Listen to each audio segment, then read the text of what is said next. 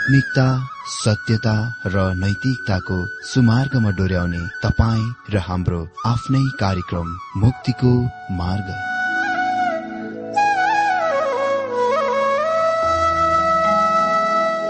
आदरणीय श्रोता यस मुक्तिको मार्ग कार्यक्रममा हार्दिक स्वागत छ। आशा छ यस आत्मिक कार्यक्रमद्वारा जीवनमा आत्मिक आशिष अलौकिक शान्ति र आनन्द प्राप्त गर्नुहुनेछ। र जीवनमा धन्य अनुभव गर्नुहुनेछ। आउनुहोस् श्रोता। मन र आत्माको तयारीको लागि यो मिठो अनि मधुर भजन गीत सुनौ।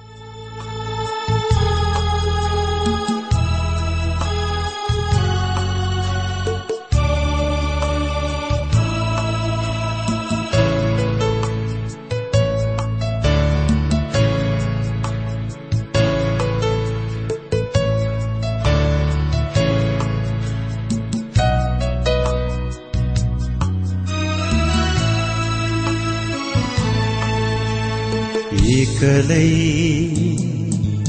बाँच्ने छुइन। ख्रिस्टसँगै जिउने छु। एकलै बाँच्ने छुइन। ख्रिस्टसँगै जिउने छु। यी भिडहरूमा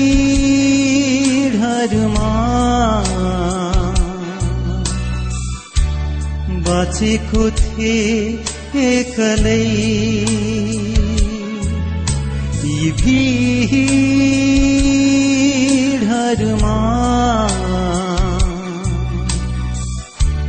बाँचेको थिए एक्लै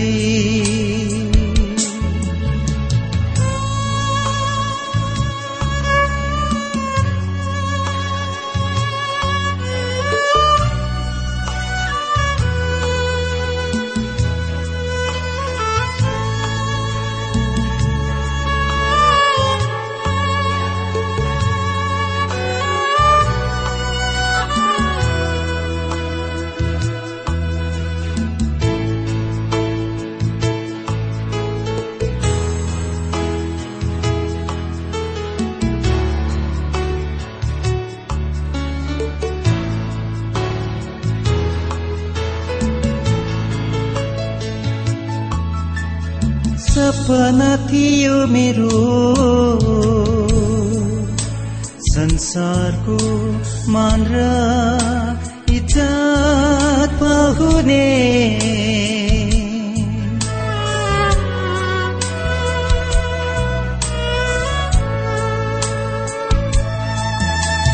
सपना थियो मेरो।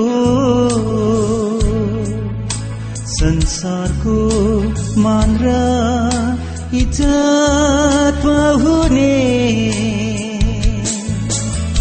जब क्रिस्ट यीशु जीवनमा आए मेरो व्यर्थ व्यर्थै लाग्न थाल्यो। जब क्रिस्ट यीशु जीवनमा आए मेरो व्यर्थ व्यर्थै लाग्न थाल्यो एकलै बाँच्ने छुइन। ख्रिस्टसँगै जिउने छु यी भिडहरूमा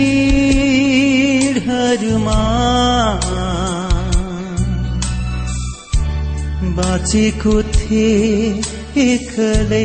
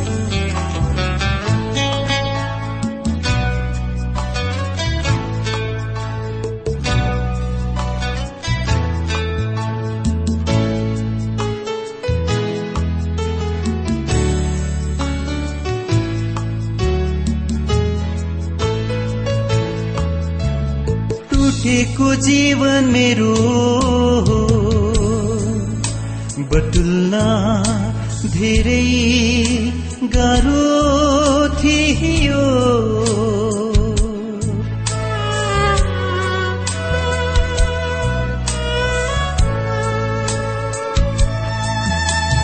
टुटेको जीवन मेरो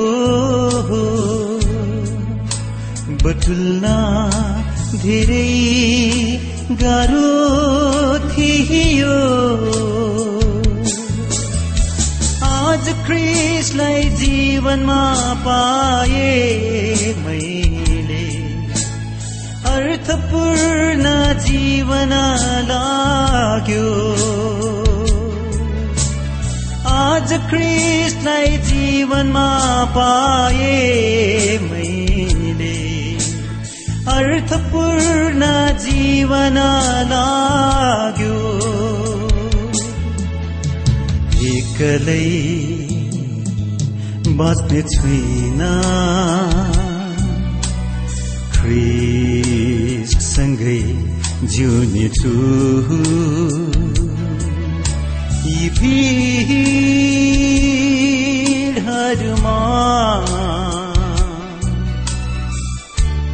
बाँचेको थिए एक्लै।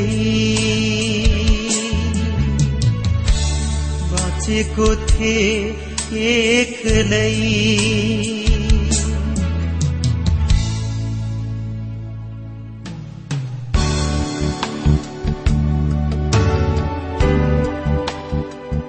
प्रिय श्रोता यो प्रसारण मार्फत यो अवगत गराउन चाहन्छौ कि प्रभुको सेवाको लागि यहाँहरूको साझेदारी नित्यन्त आवश्यकता छ। यहाँहरूले प्रार्थनाको साथसाथै आर्थिक सहायता गर्न अनुरोध गर्दछौ।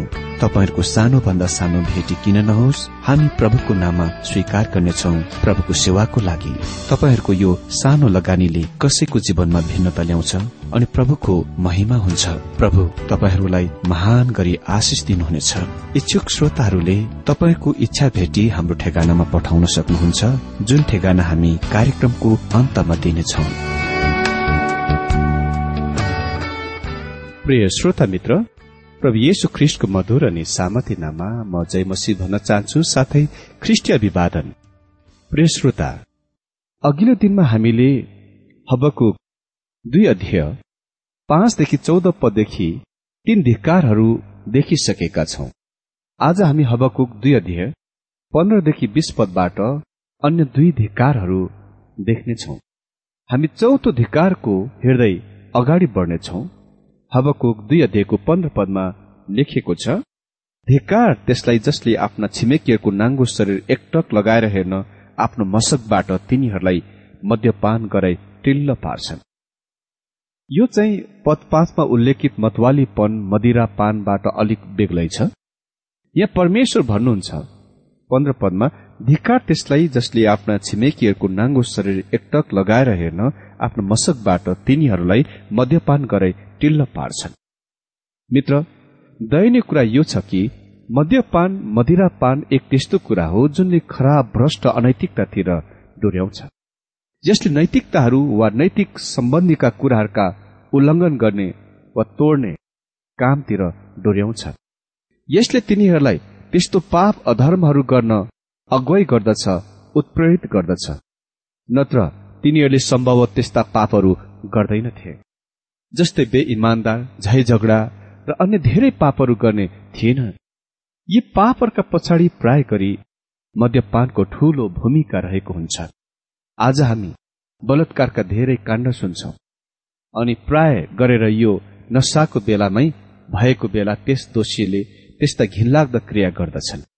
अर्को उदाहरण झै झगडा आज धेरै जसो लडाई झै झगडा कुटमार जाँड रक्सीको कारणले हुन्छ र हुन्थ्यो। आज यसले हरेक क्षेत्रमा बर्बाद गरिरहेको हुन्छ यसले अन्य कुनै कुरा भन्दा धेरै हरेक क्षेत्रमा खराब असर गरिरहेको छ। यो नै निन्दा यहाँ बेबिलोनको विरूद्ध ल्याइएको छ। परमेश्वरले तिनीहरूलाई भन्नुहुन्छ तैले जडिया रक्षा मतवाला बनाइरहेका छौ। खालि त आफै मात्र मद्यपान गरिरहेको छैनस्। मद्य पिइरहेको छैनस् तर तैले अरूहरूलाई पनि मतवाला बनाइरहेको छस्। तिनीहरूलाई मताइरहेका छस्। मित्र मैले केही दिन पहिले एक दम्पतिलाई भेट्ने मौका पाएको थिएँ जो दुर्व्यसन वा लागु औषधि सेवनको लतमा जकडिएका जवान पुरुष र स्त्रीहरूको बीचमा काम गरिरहेका छन्। तिनीहरूले मलाई भने कि धेरै ती जवान मानिसहरू त्यस घरबाट आएका छन् जहाँ जाँड रक्सी मद्यपानको भोज पार्टी हुने गर्दछ वा जाँड रक्सी वा मदिराहरूको प्रयोग गरिन्दछ। यदि आमा र बुबा सधैँ जाँड रक्सीको पार्टीमा लिप्त भए र त्यो नै जीवनको एक अंश बनाए र त्यसमै जीवन जिए किन ती बाल बच्चाहरू छोराछोरीहरूले लागु औषधि सेवनको तल लक दुर्व्यसनमा फस्न सक्दैनन्। म त्यसको उचित र असल ठिक प्रश्न पाउन चाहन्छु। किनकि ती दुर्व्यसन वा लागु औषधिका लतका जकडिएका ती छोराछोरीहरूले मलाई त्यसको बारेमा प्रश्न सोधेका छन्। मसँग तिनीहरूको लागि यसको उत्तर छैन। किनभने म सोच्दछु कि प्राय गरी उनी दुर्व्यासन वा लागु औषधि सेवन ड्रग्सतिर जाने कामको लागि आमा र बुबा नै उत्तरदायी छन्। म विश्वास गर्दछु ड्रग्स वा लागु औषधि सेवनका समस्याहरूको पछाडि मतवालीपन मदिरा पान छ। अनि यस मदिरा पान वा मतवालीपनले आज हाम्रा राष्ट्रमा समाजमा र विश्वमा यो हुन लगाएको छ। मलाई थाहा छ कि यी कुराहरू आज भनिँदैन। र मलाई थाहा छ कि यी कुराहरू भन्ने काममा वा यी कुराहरू भन्दाखेरि यसले मलाई कति पनि जनप्रिय बनाउँदैन। तर मलाई लाग्दैन कि हबकुक पनि त्यति धेरै जनप्रिय थिए। निश्चय नै बेबिलोनमा जनप्रिय थिएनन्। जब यो शब्द त्यहाँ टप्काइयो तर तिनीहरूले पत्ता लगाए कि परमेश्वरले मतवालीपन वा मदिरापानको निन्दा गर्नुहुन्छ। र परमेश्वरले अधर्मीहरूलाई जडया रक्षा बनाउने कामको पनि निन्दा गर्नुहुन्छ। परमेश्वरले अरूहरूलाई जड्या बनाउने कामको लागि पनि निन्दा गर्नुहुन्छ। अहिले यो कुराको ध्यान दिनुहोस् कि मतवालीपन वा मदिरापानले अति नै निच भ्रष्ट अनैतिकतातिर डोर्याउँछ। सोह्र पदमा लेखिएको छ गौरवको सट्टा त शर्मले भरिने छस् अब तेरा पालु आयो त पनि पी र उदाङ्गो हो। परमप्रभुको दाहिने हातको कचौरा तह कहाँ आउँदैछ? र तेरो गौरव लाजले ढाकिनेछ। मित्र मतवालीपन वा मद्यपानले भ्रष्ट निच अनैतिकतातिर डोर्याउँछ। यसले विवाह विच्छेदतिर डोर्याउँछ। यसले घर परिवार टुटाउने तोड्ने कामतिर डोर्याउँछ। यसले परिवारमा आर्थिक सङ्कष्टको ल्याउँदछ। यसले समाजमा परिवारमा सम्बन्ध तोड्ने कामतिर डोर्याउँछ। यसले जति खराब काम गर्ने कुरा त अरू केही पनि हुन सक्दैन। उदाहरणको निम्ति तपाईँले ध्यान दिनुभएको छ होला कि कुनै पनि मानिस मद्यपान गर्नभन्दा पहिले सज्जन हुन्छ। तर मद्यपान पश्चात पछि उसको व्यवहार बिल्कुलै बेग्लै हुन्छ अलगै हुन्छ। असल मानिस पनि दुष्ट मानिस बन्दछ मित्र म फेरि तपाईँलाई भन्दछु कि मद्यपान भन्दा कुनै कुरालाई पतन गराउने अरू कुनै खराब कुरा हुँदै छैन वा छँदै छैन। अनि परमेश्वरले यसको निन्दा गर्नुहुन्छ। परमेश्वरले भन्नुहुन्छ बाबेलाई पतन गराउने मेरो कारण चाहिँ त्यसको पापहरूको कारणले हो। सत्र पदमा लेखिएको छ लेबनानमाथि तैले गरेको उपद्रवले तलाई नै ढाक्नेछ। र तैले त्यहाँका पशुहरूलाई गरेको सर्वनाशले तलाई भयभीत तुल्याउनेछ किनकि तैले मानिसको रगत बगाइस र तैले देशहरू र सहरहरू र तिनमा रहने सबैलाई सर्वनाश गरिस्। मित्र भनिएको छ उपद्रव अर्को परिणाम हो जुन मतवालीपन वा मद्यपानबाट आउँदछ। देख्नुभयो हरेक प्रकारका अनैतिकताहरू मतवालीपन वा मद्यपानबाट निस्किआउँदछ दुर्व्यसन लागु औषधि सेवन भ्रष्ट निच अनैतिकता विवाह विच्छेद परिवार विच्छेद यी सबै पापहरू आज पूरा विश्वमा र हाम्रा राष्ट्रमा पनि थुप्रै देखिएको छ। यी सबै कुरा मद्यपान वा मतवालीपनबाट प्राय गरेर आएका छन्। पाँचौं धिकार चाहिँ ती सबैभन्दा सर्वश्रेष्ठ पापमाथि परमेश्वरको निन्दा हो। अठार उन्नाइस पदमा लेखिएको छ मान्छेले खोपेर बनाएको प्रतिमाको के मूल्य छ? अथवा झुट सिकाउने प्रतिमाको मूल्य छ? किनकि त्यो बनाउने कारिगरले आफ्नै हातले बनाएको सृष्टिमा भरोसा राख्दछ। उसले प्रतिमाहरू बनाउँछ जसले बोल्नै सक्दैन। धिक्कार। त्यसलाई जसले काठहरूलाई भन्छ जिउँदो हौ र बोल्न नसक्ने ढुङ्गालाई भन्छ जाग। के त्यसले मार्गदर्शन गर्न सक्छ? त्यो त सुन र चाँदीले मोरिएको छ। त्यसमा सास नै छैन। वास्तवमा मतवालीपन वा मदिरापन सबभन्दा ठूलो पाप होइन। सबभन्दा ठूलो पाप चाहिँ प्रतिमा पूजा हो। झुटा धर्म जीवित परमेश्वर कहाँ फर्कनको सट्टामा प्रतिमातिर फर्कनु हो। न्यायकर्ताहरूको पुस्तकमा सरकारको सबभन्दा ठूलो सिद्धान्त चाहिँ त्यो सिद्धान्तको पेश गरिएको छ प्रस्तुत गरिएको छ जुनको यसैयाका भविष्यवाणीमा अति नै धेरै स्पष्ट गरी कहिएको छ बताइएको छ। आगामी सबै भविष्य वक्ताहरूले यसको खालि निश्चित गरे र यस सिद्धान्तलाई लागू गरे जुन पहिले नै कहीँ सकिएको छ बताइसकिएको छ। सिद्धान्त यो हो राष्ट्रको पतनमा त्यहाँ तीनवटा कदमहरू छन्। सबभन्दा पहिले त्यहाँ धार्मिक सत्य विश्वास त्याग छ दोस्रो कदम नैतिक भयानकता। तेस्रो कदम हो राजनैतिक अराजकता। यी तीन कदमहरू हुन् जुनद्वारा राष्ट्रहरूले मानव इतिहासका स्टेज मञ्च छोडे। यो सधैँ नै त्यसको चाल चल्ने वा सर्ने तरिका भएको छ। देख्नुभयो प्राथमिक समस्या कहिले पनि राजनीतिक अराजकता थिएन। प्राथमिक समस्या कहिले पनि नैतिक भयंकरता थिएन। आधारभूत जड समस्या धार्मिक वा आत्मिक सत्य विश्वासतिर जाँदछ अर्थात् जीवित र सत्य परमेश्वरबाट टाढा भौतारी जाने कुरातिर जान्छ।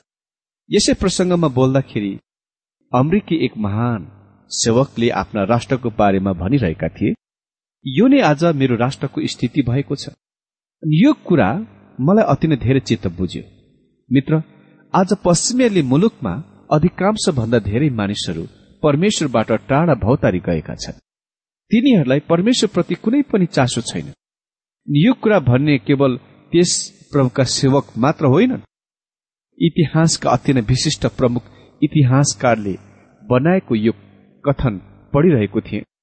अमेरिकाको सपना हाम्रो समकालीन अमेरिकाको सपना हाम्रा समकालीन समाजमा देखिने दृश्य क्षण पतनका चिन्हहरू। र डराउने भयानक वास्तविकताका बीचमा अदृश्य भइरहेको छ लोभ भइरहेको छ। अमेरिकाको सपना हाम्रो समकालिक समाजमा देखिने दृश्य क्षण पतनका चिन्हहरू र डराउने भयानक वास्तविकताको बीचमा अदृश्य भइरहेको छ लोभ भइरहेको छ। कारण चाहिँ तिनीहरू सत्य र जीवित परमेश्वरबाट टाढा भौतारी गइरहेका छन्। त्यहाँ भयानक सत्य विश्वास त्यागले स्थान लिइरहेको छ। अनि यो कुनै व्यक्ति विशेष र मण्डलीको निम्ति पनि उति नै बिल्कुल सत्य छ। यो महान सिद्धान्त जुन यो मानिस हबकुकले परमेश्वरको वचनमा पुनः कहेका छन् बताएका छन्। बेबिलोनको राष्ट्रमा पूरा भयो। राष्ट्रको पतन प्रतिमा पूजामा आरम्भ हुन्छ जो यो जीवित र सत्य परमेश्वरबाट टाढा भौतारी जाने कुरामा आरम्भ हुन्छ। अनि मित्र तपाईँहरूलाई फेरि फेरि याद दिलाउँछु कि प्रतिमा भनेको कुनै ढुङ्गा माटो वा काठको मूर्ति मात्र होइन। सायद यो अन्य जातिको दृष्टिकोणमा तिनीहरूका लागि त्यो प्रतिमा हुन सक्छ त क्रिस्चियन विश्वासीको निम्ति परमेश्वरलाई भन्दा धेरै माया गर्ने धेरै समय दिने धेरै चाहने सबै कुरा प्रतिमा हो। आज पश्चिमेली मुलुकमा तिनीहरूका प्रतिमा सर्वशक्तिमान डलर हो। यो हाम्रो निम्ति रुपियाँ पैसाको लोभ लालच हुन सक्छ अनि धेरै मानिसहरूले मैथुन काम बाँच्न यौन बाँच्न सेक्सको आराधना गर्छन्। धेरैले सुख भोग विलासिताको पूजा आराधना गर्छन्। धेरैले संगीत अश्लील अखबार पत्र पत्रिका सिनेमा टिभी इन्टरनेट लाई पूजा गर्छन् आराधना गर्छन्। अनि धेरै स्त्री वा केटीहरूले प्रसिद्ध स्टार बन्न हिरोइन बन्न आफ्नो कुहारीपनको दाउमा लगाउँछन्। मित्र म तपाईँलाई भनौँ कुनै पनि कुरामा तपाईँ आफैलाई दिनुहुन्छ? कुनै पनि कुरा जुनले तपाईँको सम्पूर्ण शक्ति तागत लिँदछ? वा कुनै पनि कुराले तपाईँबाट सबै कुरा लिँदछ? त्यो नै कुरालाई तपाईँ पूजा गर्नुहुन्छ आराधना गर्नुहुन्छ। त्यो तपाईँको प्रतिमा हो त्यो तपाईँको देउता हो अनि त्यो नै कुरालाई परमेश्वर निन्दा गर्नुहुन्छ। परमेश्वर भन्नुहुन्छ कि उहाँ डाही परमेश्वर हुनुहुन्छ। परमेश्वर भन्नुहुन्छ मैले तँलाई बनाएँ। मैले तँलाई सृष्टि गरेँ। मैले तँलाई छुटकारा दिएँ। र म तँलाई चाहन्छु जब कुनै मानिसले परमेश्वरतिर आफ्नो पीठ फर्काइदिन्छ उसले सबभन्दा खराब काम गरिरहेको छ जस्तो कि कुनै मानिसले गर्न सक्छ। विस्पदमा लेखिएको छ तर परमप्रभु त आफ्नो पवित्र मन्दिरमा हुनुहुन्छ। सारा पृथ्वी उहाँकै सामुने। चुपचाप रहोस्। व्यक्तिगत रूपमा म विश्वास गर्दछु कि यसले भविष्यतिर हेर्दछ जब प्रभु येशु ख्रिस्ट पृथ्वीमा आउनुहुनेछ। जब उहाँ आफ्नो मन्दिरमा यहाँ पृथ्वीमा हुनुहुन्छ सम्पूर्ण सारा पृथ्वी उहाँको सामने चुप मौन रहनेछ। सबै आवाज हल्ला सबै विरोध जुलुस सम्पूर्ण दुधार र अन्यलता त्यस समयमा लोप हुनेछ विलिन हुनेछ। तर यो पनि सत्य हो कि त्यो आज पनि लागू हुँदछ। यहाँ हामीले पाइरहेका सम्पूर्ण कठिनाइहरू र समस्याहरूको कारण यो हो। यद्यपि उहाँ माथि स्वर्गीयमा हुनु भए तापनि यद्यपि प्रभु आफ्ना मन्दिरमा हुनु भए तापनि मानिस उहाँको सामने झुकिँदैन र उहाँलाई थाहा गर्दैन। यो अति नै अद्भुत कुरा हुने थियो। यदि हामीले खालि एक हप्ताको मौनता वा चुपचापमा रहन सक के यो अद्भुत कुरा हुने थिएन? यदि कुनै राजनीतिक नेताहरूले आफ्ना मुख एक हप्ताको लागि मात्र चुपचाप राखे। के यो अद्भुत कुरा हुने थिएन? यदि हामी सबै रेडियोका प्रचारकहरूले एक हप्तासम्म मात्र हाम्रा मुखहरूलाई बन्द गरे के यो अद्भुत कुरा हुने थिएनन्? यदि धेरै बकबक गरिरहने मानिसहरूले मुखलाई बन्द गरेर सर्वशक्तिमान परमेश्वरको सामने पर्खे। भनिएको छ तर परमप्रभु त आफ्नो पवित्र मन्दिरमा हुनुहुन्छ।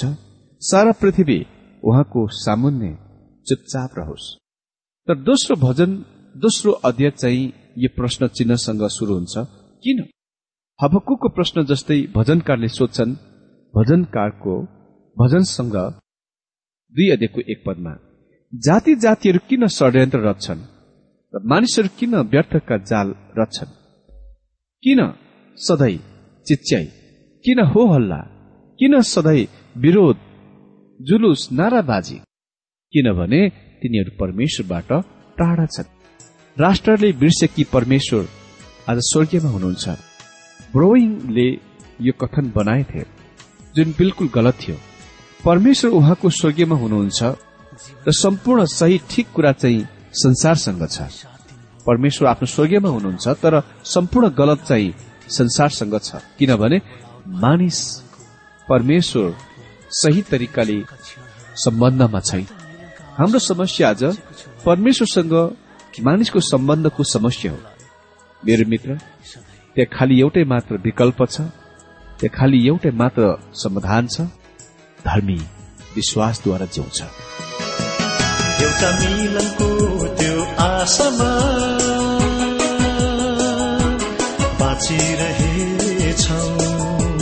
सधैँ सधैँ हृदयभित्रका चोट लुकाई। हाँसिरहेछौ सधैँ सधैँ।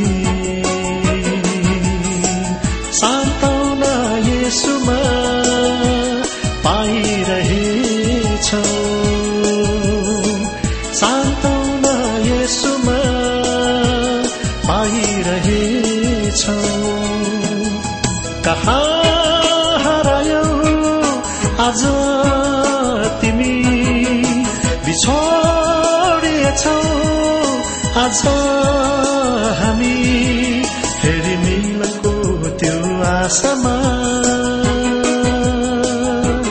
बाँचिरहेछौ सधैँ सधैँ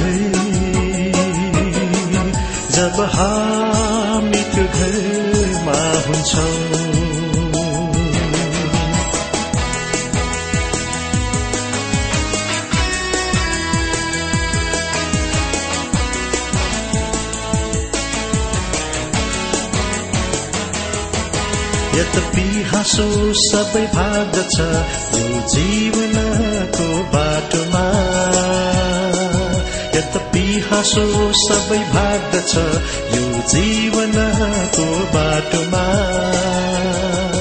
उसको दुःखलाई अब सानो छ केवल उनको सानो प्रेममा। उसको दुःखलाई अब सानो छ केवल उनको सानो प्रेममा।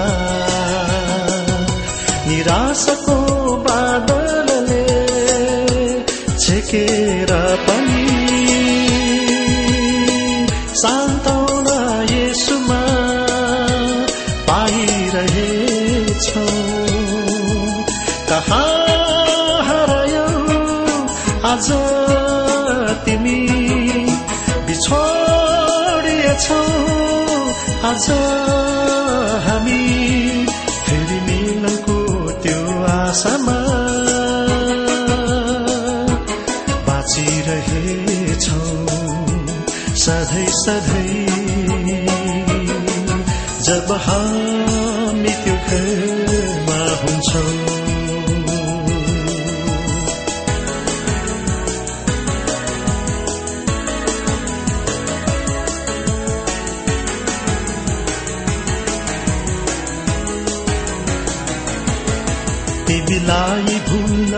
गाह्रो छ यो जीवनको बाटोमा। तिमीलाई भुल्न अब गाह्रो छ यो जीवनको बाटोमा। ख्रिस्टको आज्ञालाई पुरो गर्नु छ अब भई उनको साथमा। ख्रिस्टको आज्ञालाई पुरो गर्नु छ अब भई उनको साथमा। शून्यताको पर्खालले घेरेर पनि।